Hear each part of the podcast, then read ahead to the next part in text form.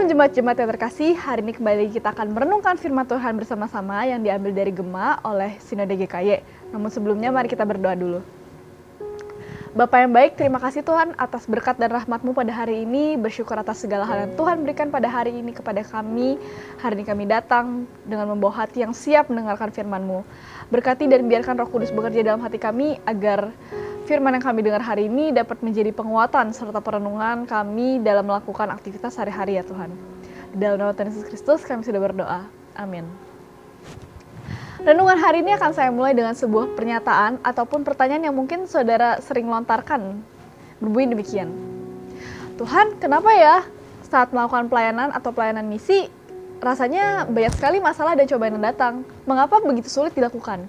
Nah, hari ini kita akan belajar dari rasul yang mungkin sudah sering kita dengar, yaitu Rasul Paulus dalam kisah para rasul 17 ayat 1 sampai 15.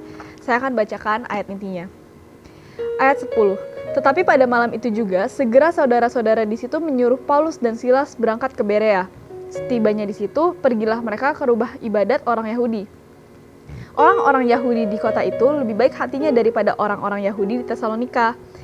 Karena mereka menerima firman itu dengan segala kerelaan hati dan setiap hari mereka menyelidiki kitab suci untuk mengetahui apakah semuanya itu benar demikian. Banyak di antara mereka yang menjadi percaya, juga tidak sedikit di antara perempuan-perempuan terkemuka dan laki-laki Yunani.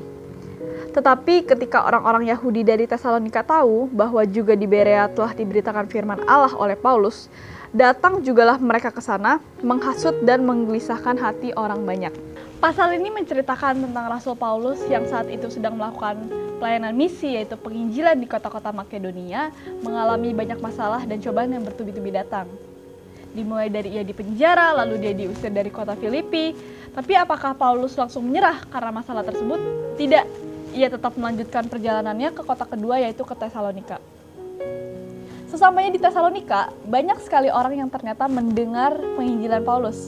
Di antara mereka banyak pejabat-pejabat pada zaman itu dan tidak sedikit dari mereka yang menjadi percaya akibat ajaran Paulus. Tetapi mungkin terlihat berhasil dari luar. Ternyata banyak orang-orang Yahudi pada masa itu yang menjadi iri hati. Lalu mereka menghasut banyak orang, lalu membuat kerusuhan saat Paulus sedang melaksanakan Injil. Di situ mungkin kita melihat, oh Paulus sedang mengalami masalah nih, mungkin dia akan menyerah, tetapi tidak. Di situ justru Tuhan bekerja.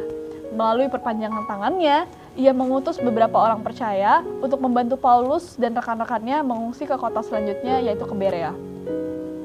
Di kota ketiga yaitu Berea, ternyata lebih banyak lagi orang yang mendengar penginjilan dari Rasul Paulus. Dan banyak yang percaya terhadap penginjilan tersebut.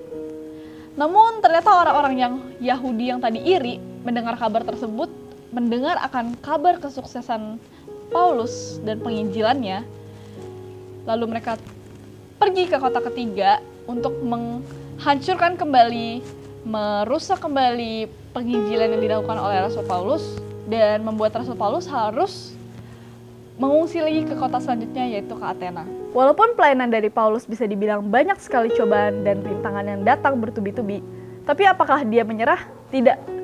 Apakah Tuhan meninggalkan dia? Tidak. Ia tetap bertekun dari kota ke kota melanjutkan pelayanan misinya.